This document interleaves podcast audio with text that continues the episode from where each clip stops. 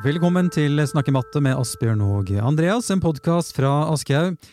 I dag skal vi gå løs på det som veldig mange prater om i disse dager, og det er eh, eksamen på tiende trinn. Og Asbjørn, vi, vi, vi gønner på, og vi prøver å se om vi kan kanskje hjelpe litt til, eller i hvert fall få en viss oversikt over hva vi tror kan vente oss eh, rundt eksamen, og, og, hvordan vi kan eh, stå til tjeneste overfor elevene i klasserommet rundt dette. Mm. Ja, og nå snakker vi om uh, skriftlig eksamen. ikke sant? Ja. Så, så, skriftlig eksamen på tiende trinn. Eh, og matematikk, da, selvfølgelig. Eh, og så er det jo faktisk fire år siden sist det var eh, eksamen i, i, grunnskolen. Det har vært pandemi og mange, mange ting som har skjedd.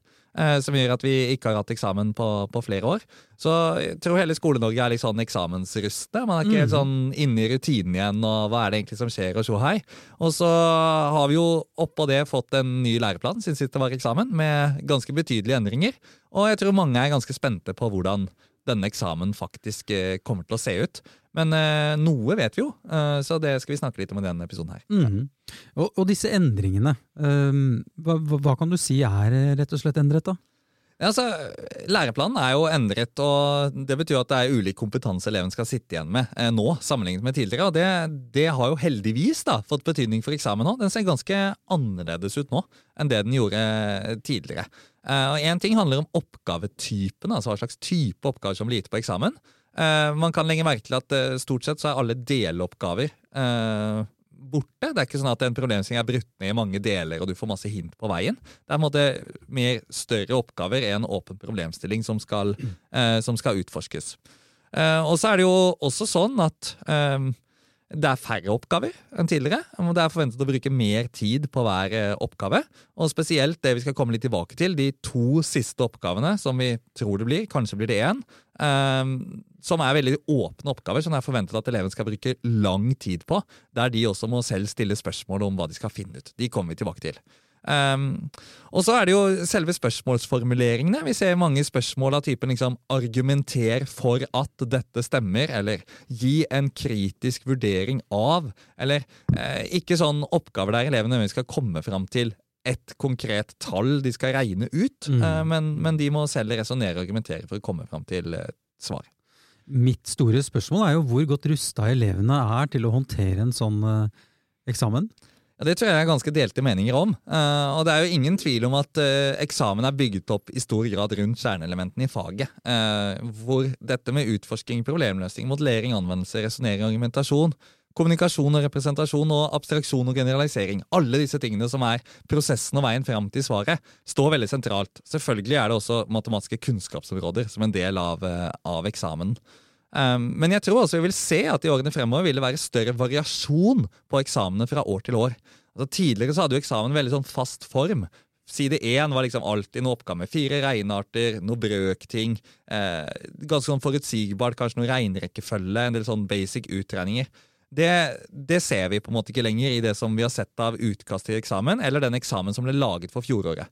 For Det fins jo faktisk en eksamen for 2022 som aldri ble gjennomført, men som ligger tilgjengelig for for lærere, eh, som man kan gå inn og se på. Og se hvordan eksamen da var tenkt. Og, og det er ganske stor endring. Og når det er færre oppgaver, så får man jo ikke på en måte nødvendigvis testet alle mulige varianter av faget. Kanskje ikke like bredt. Eh, men, men, samtidig er det mer åpent for at elevene kan trekke inn den kompetansen som de har, og som de opplever er relevant i de ulike eh, oppgavene. Ja. Mm. Jeg tenker jo litt på de elevene som uh, strever, da. Om de får vise sin kompetanse i dette her. Og, men vi snakket litt om det, Asbjørn, at da, de må jo i hvert fall begynne å skrive noe. Man må på en måte kaste seg litt ut i det også, og ikke mm. liksom bare bli stående og tenke at å, hjelp, hva er dette? Ja, ja, det blir enda viktigere å få vist liksom, delvis kompetanse på en del oppgaver. Da. Om man mm. ikke får til alt på oppgaven, så kan man likevel få vist en del kompetanse. Mm. Uh, og det er ikke liksom noen sånn drillting man kan drille inn, og så vet man at akkurat det kommer. Men man må liksom klare å resonnere og argumentere for noe, gjøre noen beregninger, uh, komme med noen argumenter. Uh, og den type ting blir viktig for, for alle elevene, rett og slett. Mm. Og så er det jo en endring til da, som er liksom veldig sånn synlig, og det er at tidligere var det eh, to timer på del én og tre timer på del to. Mm. Eh, og nå er det én time eh, på del én og resten av tiden på, på del to. Eh, sånn at del to, den delen som er med hjelpemidler, eh, den blir enda viktigere enn før. Eh, og så er det jo en stor debatt om man skal ha hjelpemidler tilgjengelig på eksamen i, i matematikk eller ikke eh, i det hele tatt. Eller altså, om det skal være noe del uten hjelpemidler, er det som er debatten. Eh, eller om alt skal være med hjelpemidler. Eh, og det er foreløpig bare konkludert for eksamen i år. Vi vet ikke noe om hva som skjer i eksamen fra neste år og, og framover. Og det er også sånn at det er tanker om at eksamen skal gå over til å være heldigital. Det vet vi heller ikke så mye om hva som skjer fremover, men i år så er den papirbasert etter det gamle systemet. Mm. Eh, men, men, apropos hjelpemidler, så er det ikke sånn at elevene får beskjed om at ja, i denne oppgaven burde du bruke GeoGebra eller graftegner, i denne oppgaven burde du bruke regneark, mm. Eh, i denne oppgaven burde du programmere. Sånn var det jo før, eh, mm. men nå må elevene selv finne ut at her er det relevant å bruke dette hjelpemiddelet, og så må de trekke det inn i oppgaven. Mm. Uh, jeg sitter jo nå med denne eksamen foran meg, printa ut i farger, til og med. Eh, og det jeg lurer på, Asbjørn, anbefaler du at man faktisk gjennomfører de de eksamene som ligger ute, denne 2022-eksamen, eh, i, i, klassen, sånn at de er litt kjent med oppgavetypen. Selv om jeg personlig er veldig motstander av teach to the test, liksom, så, så, så er jo dette nytt. Hva tenker du? Ja, altså Man trenger ikke å gjennomføre det som en eksamen eller som en heldagsprøve, men å jobbe med oppgavene, det, det, er absolutt anbefalt, tenker jeg. fordi det er veldig fine oppgaver, mm. eh, de oppgavene som er her. Det er mange oppgaver som det er verdt å bruke tid på å å jobbe med, eh, og at elevene blir sånn kjent med hvordan det kan se ut. Og så tror jeg det er veldig viktig at man ikke låser seg på å tenke at ok, eh, på denne eksamen så var det én oppgave om det temaet, én oppgave om det temaet, én oppgave om det temaet. Da tenker man, og da er det de temaene som kommer på vår eksamen. Ja. Mm. Så tror jeg ikke det kommer til å bli. Jeg tror det kommer til å være større variasjon i hvilket eh, kunnskapsinnhold eller hvilke kunnskapsområder som blir testet i oppgavene på eksamen. Selv om man vil jo selvfølgelig kunne forvente at de kommer innom alle kunnskapsområdene. da. Det kommer til å være noe om funksjoner. Det er helt garantert. Mm. Det kommer til å være noe eh, som handler om geometri på en eller annen måte. Det tror jeg er nesten helt sikkert. Mm. Eh, og ikke sant? Sånn kan man si det kommer til å være noe økonomi, prosenttrening, et eller annet sånt kommer til å være på eksamen. Men akkurat vektingen og eh, hvilke ting innenfor de ulike temaene som kommer, det, det mm. vet vi ikke så mye om. Ja. Men, men tror du de som sitter og lager dette, tror du de tenker at vi må prøve å måle så mye som mulig av pensum, eller, vil eksamen være at man uh, holder seg til en mindre del av pensum, og at man rett og slett uh, uh, ja, enkelte elever kan ha litt uflaks da, med hva de faktisk får på en eksamen, i forhold til hva de kanskje kan få på standpunktkarakteren. da. Ja, På en måte så kan du si det, og på en annen måte så kan du si at det i større grad er åpen for at elevene selv kan trekke inn litt det de kan. Ja. Og det, det, tror jeg blir veldig viktig å måte, gjøre elevene oppmerksom på. At det lærerne skal vurdere, er din helhetlige kompetanse. Og da må du prøve å få fram det du kan. Og Da kan det f.eks. være sånn at eh, ok, er det en oppgave der du blir bedt om å argumentere for noe, så kan du jo si at ja, du vil jo få full score på oppgaven ved å komme med ett fullstendig godt argument. Men hvis du har tid og mulighet til og får til å komme med to ulike argumenter som begge er fullgode og som argumenterer for svaret, to ulike måter å angripe oppgaven på, mm. så vil jo det være positivt for elevens helhetlige vurdering av kompetansen. Selv om kanskje når, hvis det fortsatt blir poeng på oppgavene, det er litt uklart hvordan det egentlig kommer til å bli. Ja. Hvis det fortsatt blir det, så, så, vil det sikkert gi like mange poeng, men man skal vurdere helheten i elevens besvarelse. Men det er veldig mange ting knyttet til liksom, sensureringen av disse eksamene som fortsatt er eh, uklart, ja. eh, og som vi ikke vet sånn veldig mye om. Ja. Hm. Skal vi se på noen av oppgavene, eller? Ja, Skal vi ta en liten titt? Hva, hva syns du vi skal begynne med her? Vi, vi, kan begynne med oppgave to fra del to. Uh, ja. Og nå er vi på mm. vår 2022-eksamen, eh, altså den som skulle ja. vært i fjor. Mm. Um, og Det er jo en oppgave som dreier seg om kunnskapsområdet geometri. Uh, og Der ser man en figur som består av fire konkurrente, altså identiske rektangler, og så et kvadrat i midten. Og Disse danner da til sammen et stort og større kvadrat. Og man får vite at omkretsen her av disse eh, fire kongruente rektanglene, hver av de er 30 cm. Og så er hele oppgaven at man skal argumentere for at omkretsen til det store kvadratet er 60 cm. Mm. Og så kan det være vanskelig å se for seg akkurat hvordan dette ser ut nå hvis man ikke har oppgaven foran seg, men, men poenget her er at det er ikke sånn at man skal gjøre masse beregninger. Man trenger egentlig ikke det for å løse den oppgaven. Det holder med et lite resonnement og argument, eh, der man liksom betrakter at eh, hvis man ser på omkretsen rundt det store kvadratet, så ser man at det utgjøres av fire langsider i et rektangel og fire kortsider i et rektangel. Og det er jo det samme som å gå rundt et rektangel to ganger. Mm. Så da er omkretsen det dobbelte av uh, rektangelet, så det er dobbelt av 30, så det er 60. Det er et mm. sånn type verbalt resonnement som det, som egentlig er tilstrekkelig for å løse denne oppgaven. Eh, og så er det andre måter man kan angripe det problemstilling på. Man kan prøve å sette inn tall, som en del vil prøve. Ok, eh, Hvis omkretsen av rektangelet er 30, la oss gjette på at lengden er 10 og bredden er 5 i rektangelet. Mm. Det er ikke sikkert det er det, men ok, hva skjer da? Eh, Så kan man regne litt på det. og så, ja, men ok, Hva hvis det er 9 og 6 i stedet? Utgjør det noen forskjell? Og så kan man prøve å liksom oppdage det gjennom dette og utforske med tall. da. Mm. Eh, Men jeg tror uansett at på en sånn type oppgave så må elevene de må prøve noe.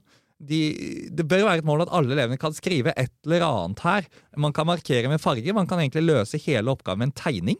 Hvis man setter det opp med litt sånn farge, farger og streker, og så et par setninger til den tegningen. Det er mulig å løse oppgaven på den måten. Så det er veldig sånn stor bredde i hvordan man kan løse oppgaven. Eh, og så krever det ikke masse beregningskompetanse eller teknisk kompetanse, eller noe sånt, men det krever jo resonneringskompetanse, argumentasjonskompetanse, veldig i tråd med, med kjerneelementene i faget. Jeg må jo bare innrømme at jeg gikk jo litt i fella på den her. Eh, og jeg begynte jo å se etter ja, hvilken, rett og slett hvilken lengde eh, vi snakker om her.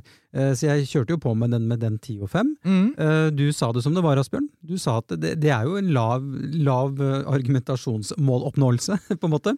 Men det, Ja, eller, det er i hvert fall ikke fullgodt, på en måte, fordi det er ikke, Ja. det er ikke generalisert. ja. Ja. Mm. Og, men det jeg liksom lurer på da, er om er jeg er Egentlig tilbake til samme spørsmål. Altså, jeg, jeg, jeg, jeg får litt vondt av de som ikke begynner å argumentere med altså bokstaver, men som kommer med disse tallene. Ja, og da tror jeg det er veldig viktig at vi er obs på at okay, vi, vi kan ikke forvente at alle elevene skal komme med veldig sånn abstraksjonsargumenter der vi generaliserer alt fullt ut osv. Det, det er de på høy måloppnåelse, men det å også bare sette inn tall, litt sånn som du gjorde, og så regner man ut med disse tallene, ja, det viser jo kompetanse, det. Det er jo et argument. Det er ikke et eh, like fullgodt argument som en del av de andre argumentene, men, men det viser jo kompetanse. Mm. Og det er så utrolig viktig at på disse oppgavene her at elevene setter i gang og, og gjør det de får til å få gjort. da. Mm. Og ikke tenker at 'å, jeg får ikke til alt, så da skriver jeg ingenting'. liksom. Mm. Det å sette i gang på disse oppgavene, skrive noe, og så gjør man det, det er utrolig viktig for at du skal få vist fram hva du kan Mm. på eksamen. Mm. Og så er det sånn at Sensorene skal jo lete etter det du kan, ikke etter det du ikke kan. Vi har Ja. en positiv sensur Ja. i Norge. ikke sant? De er på jakt etter hva er det elevene har fått vist av kompetanse. Eh, så det, det er viktig.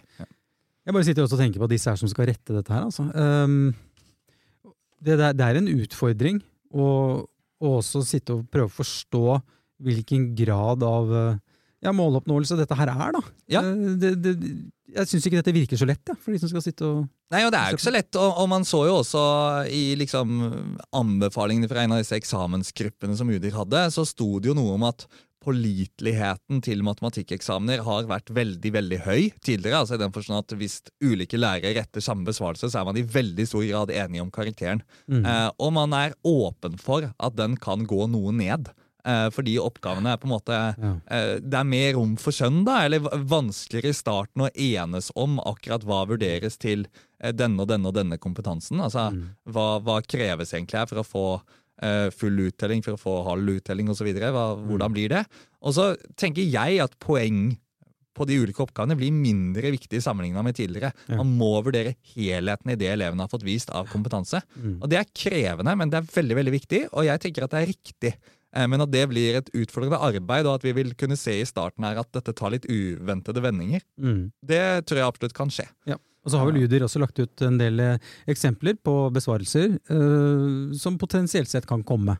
Ja, det, det, det fins noe i eksamensveiledningen for i år, der noen av disse oppgavene fra i fjor er plukket ut med eksempler på elevsvar, da, Ja. eh, og hva elevene kan, kan svare. Ja. Mm. Mm. Skal vi gå løs på en eh, til, eller? Ja, kan vi ikke hoppe til oppgave ni på del to? Ja. Eh, For det er en av disse liksom åpne eh, oppgavene. Mm. Eh, og på disse siste oppgavene så er det jo forventet at elevene selv stiller matematiske spørsmål Mm. eh, som de skal prøve å, å besvare. Eh, og det er, det er ganske krevende. For elevene må da selv vurdere hva det er de vil eh, utforske, eh, sånn at de får vist kompetansen sin. Mm. Eh, og det er jo noe da med at da kan, hvis man skal vise kompetanse på høyt nivå, så kan man ikke bare sitte og gjøre enkle tallberegninger. Da viser du ikke kompetanse på høyt nivå. Så du må på en måte få gjort noe mer enn det. Eh, og i disse oppgavene så er det forventet at eleven skal bruke ganske mye tid. Altså, Mm. eh, I eksamen fra i fjor så sto det liksom 45 minutter anbefalt Mm. på hver av de to siste oppgavene. Ja. Så de utgjør jo eh, halvannen til to timer av uh, eksamen. Altså 30-40 da, av eksamenstiden. Uh, så det er en ganske stor del av eksamen, disse to åpne oppgavene. Ja. Mm. Vil du si noe sånn konkret om hva den oppgaven i handler om? Eller? Ja, altså der, der, er det en oppgave som handler om abstraksjon og generalisering. Eh, og det å på en måte oppdage noen mønstre. Eh, utforsking er også sentralt her, selvfølgelig. Mm. Og eh, Man ser da fire personer som står med hver sin snakkeboble, som kommer med noen påstander om noen måte, sammenhenger mellom tall. Mm. Eh, hvor den første er at ok, tre opphøyd i a-en ja, det blir det samme som fire ganget med to, og så må du legge til én. Og så er det, lurer neste person på kan det stemme for fem i a-en også. Er det sånn at fem i a-en er det samme som seks ganger fire pluss én? Og allerede her kan vi jo øh, begynne å snakke om ok, hva mener vi med det samme for fem i a-en? Altså For det som er det generelle i påstanden her, er på en måte at ok, et tall opphøyd i a-en er det samme som tallet over ganget med tallet under, og så pluss én. Så hvis man da for ser det med ti i annen som utgangspunkt, så betyr jo det at ti i annen skal være det samme som én mer enn ti, som er elleve, ganget med én mindre enn ti, som er ni, altså elleve ganger ni, og så pluss én. Uh, og dette stemmer jo generelt, da. Uh, og en sånn første tilnærming for elevene her vil jo være å bare teste med noen ulike tall. Ikke sant? Og, og det bare å gjøre det i seg selv, da har man skjønt noe av problemstillingen. Man har vist noe kompetanse. Man tester med noen konkrete eksempler og ser ok, det virker logisk. Dette ser ut til å stemme for flere, flere tall. Høres bra ut. En mer eh, avansert variant er jo å systematisk teste for ganske mange tall. Det kan man for gjøre ved å bruke regneark eller bruke programmering. Og så teste la oss si, for, for alle tallene opp til 1000. da. Og Hvis alle de stemmer, ja, da virker det jo ganske sannsynlig at dette må stemme for alle. Mm. Eh, og så eh, kan man jo begynne å generalisere eller abstrahere og på en måte bevise at denne sammenhengen kan stemme. Og Det kan man gjøre ved å sette på bokstaver. Er det sånn at A i A-en er det samme som 1 mer enn A, altså A pluss 1 ganget med 1 mindre enn A, A minus 1, og så legge til 1 til slutt. Blir det det samme alltid? Og så kan man regne litt og manipulere det uttrykket sånn algebraisk, og så kan man vise ja, det stemmer faktisk. Og vise kompetanse på den måten. Eh, det er også mulig å begrunne den sammenhengen ved tegning. At man tegner opp noen kvadrater, og gjennom det kommer et resonnement for at ja, dette må alltid bli det samme. Mm. Uh, og så er, stopper jo ikke oppgaven der, da. Uh, fordi disse neste snakkeboblene lurer på om er, vil dette alltid stemme. Stemmer det også hvis vi øker tallene med to på hver side av uh, grunntallet i potensen? Mm. Så er det sånn at fem i annen er det samme som sju ganget med tre pluss én. Uh, og det stemmer jo ikke, men man kan finne ut at hvis man bytter det der ett-tallet til slutt med fire, så stemmer det. Mm. Og Så kan man forske videre her og finne en del generelle sammenhenger som da kan først generaliseres, og så kan man abstrahere det altså ved å uttrykke det uh, symbolsk da, uh, med, med, algebraisk notasjon. Ja. Mm. Altså, De har jo 45 minutter på den oppgaven. Vil du si at disse to også den oppgave 10 her, da, hvis noen sitter med den foran seg. Skiller dette litt Clinton fra Veten? Hvilken vanskelighetsgrad tenker du på dette her?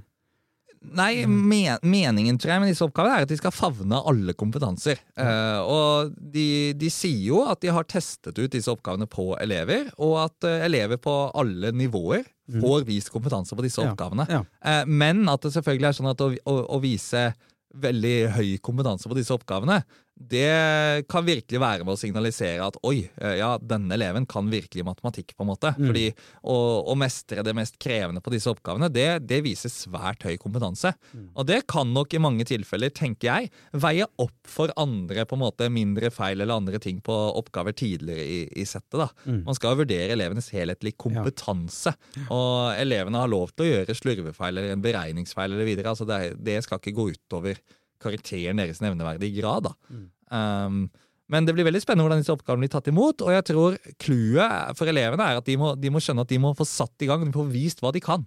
De må prøve å gjøre noe, de må stille spørsmål. Mm. Um, og så blir jo strukturen i besvarelsen her veldig viktig. Mm. Så det å liksom jobbe med å få kommunisert godt hva er det egentlig jeg har prøvd ut, uh, hvilke spørsmål er det jeg har stilt, hva er det egentlig jeg har undersøkt, uh, det er viktig for at man skal klare å på en måte få formidla til sensoren da, hva er det egentlig du har prøvd å, å finne ut av her? Mm. Uh, så det, det med å jobbe med å få liksom god struktur på disse besvarelsene, det tror jeg er ganske viktig. Mm. Har du lyst til å mot slutten her nå gå løs på en til, eller er det noen eh, flere oppgaver vi bør eh, belyse her? Synes du? Altså, jeg, jeg, tror at mange av disse oppgavene er i hvert fall verdt å merke seg at spørsmålsformuleringen er litt annerledes enn tidligere. ikke Ja. sant? De skal gjøre en kritisk vurdering av et diagram i en oppgave her. Eh, De skal I noen av disse funksjonsoppgavene så skal de bare liksom gi noe Kan du si et eller annet om denne situasjonen? Hvis vi ser på oppgave 1 på del 2, f.eks. Ja. Um, så er jo den eh, oppgaven sånn at man planlegger en bursdagsfest, og så eh, ikke sant? Så har man laget et funksjonsuttrykk eh, som viser utgift leie av lokalet, og så skal man bruke dette funksjonsuttrykket og si et eller annet om utgiftene ved leie av lokalet. Mm. Man skal måtte tolke det funksjonsuttrykket i praktisk situasjon. Mm. Den type oppgaver så vi ikke så mye av uh, før. Uh, du har også oppgave om, om stigningstall. Uh, I stedet for at man bare skal finne funksjonstrykket eller stigningstallet til grafen, så skal man nå argumentere for at stigningstallet til grafen er 3. Eh, ikke sant? Så du, igjen så må du komme med et argument eller vise hva du kan gjennom å argumentere for noe, og ikke bare finne svaret på et eller annet. Mm. Så det er veldig tydelig at man har tatt kjerneelementene på alvor når man har utarbeidet disse eksamensoppgavene, og det, Mm. Det synes jo jeg er positivt. For det er Noe som i hvert fall er sikkert, er at eh, selv om dette ikke er oppgavene som kommer eh, nå i 2023, så må i hvert fall kjerneelementene de må sitte innunder huden på, hos elevene som vil eh, ja, oppnå en god karakter her. Mm, helt klart. Og, og det blir spennende å se hvordan eksamen blir. Og ikke minst blir det veldig spennende å se hvor legger man lista for eh, når man sensurerer og vurderer det her. Hva er det som er godt nok? Hvor gode argumenter forventer vi at disse elevene skal komme med? Mm. Fordi jeg mener at oppgavene eh, stort sett er veldig gode. Eh, spørsmålsformulering i de åpne oppgavene hvor man henviser direkte til kjerneelementene, er nok litt uheldig. fordi ikke sant, Bruk din kompetanse til å vise eh, Ja. Nei, bruk informasjon fra oppgaven til å vise din kompetanse innen modellering og anvendelser. Ja. Krevende oppgaveformulering for elevene å forstå. Eh, jeg håper det blir endret på. Det er signaler om at det kan skje. Um, men, men, eh, men jeg tror oppgaven i seg selv gjør at elevene kan få vist mye kompetanse. Det som jeg synes er veldig interessant, er hvor legger man lista? For Hva forventes det egentlig for å få karakteren 4, for å få karakteren 5? Mm. Eh, og det får vi kanskje noe mer svar på nå etter eksamen denne våren. Blir jo noen ordentlige prøvekaniner, da, disse tiendeklassingene. Læreren òg, for så vidt. Ja, det blir jo det, og de har hatt pandemi, og det har vært utrolig mange greier som har skjedd de siste Mm. årene. Så det er, det er nok også veldig ulikt på ulike skoler hvor langt man har kommet, hvor mye man har fått jobbet med, med kjerneelementene. Men få elevene til å skrive ned, sitte, bruke tid, få de til å prøve å vise det de kan, det tror jeg er den viktigste oppfordringen vi har før, før eksamen. Ja. Er det oppsummeringen, det du tok nå? Eller vil du si noe mer? Ja, ja nei, jeg, jeg tror det, det, det står seg godt. Og som lærer, la oss prøve å liksom senke skuldrene litt. Dette kommer til å gå seg til over tid. Vi må støtte og backe elevene på at dette, dette, kommer, dette kommer til å gå bra. Mm. Ja, men Det er interessant. Vi har jo snakka litt på skolen vår. Jeg er jo selvfølgelig tredjetrinnslærer, som jeg har nevnt mange ganger, men jeg er på en 1-10-skole. og husker jo da vi så en sånne, denne, disse eksempeloppgavene her for et par eh, år siden. Eh, og da fikk vi litt bakoversveis. Mm. Må bare si det, altså. Mm. Er det sånn det skal se ut nå? Så mm, Det er ganske stor endring, så det blir spennende å se hvordan det blir, hvordan det blir tatt imot. det gjør det. Yes, des, Dette var jo en litt sånn spesialepisode eh, om eh, eksamen, og da, vi får bare ønske alle lykke til eh, der ute eh, med eksamen, både lærere og elever. Og så håper jeg at man får en god opplevelse rundt det. Og så blir nok eh, Jeg sitter med følelsen at veien blir nok litt til mens vi går, når det gjelder utformingen på disse eksamenene her. Det, det tror jeg absolutt, og man kommer helt sikkert til å gjøre seg erfaringer etter at de første Mm. elevene nå har hatt eksamen i vår. Mm. Yes, Tusen takk alle sammen for at dere lytta til Snakke Snakk i matte, og så høres vi snart igjen. På gjenhør.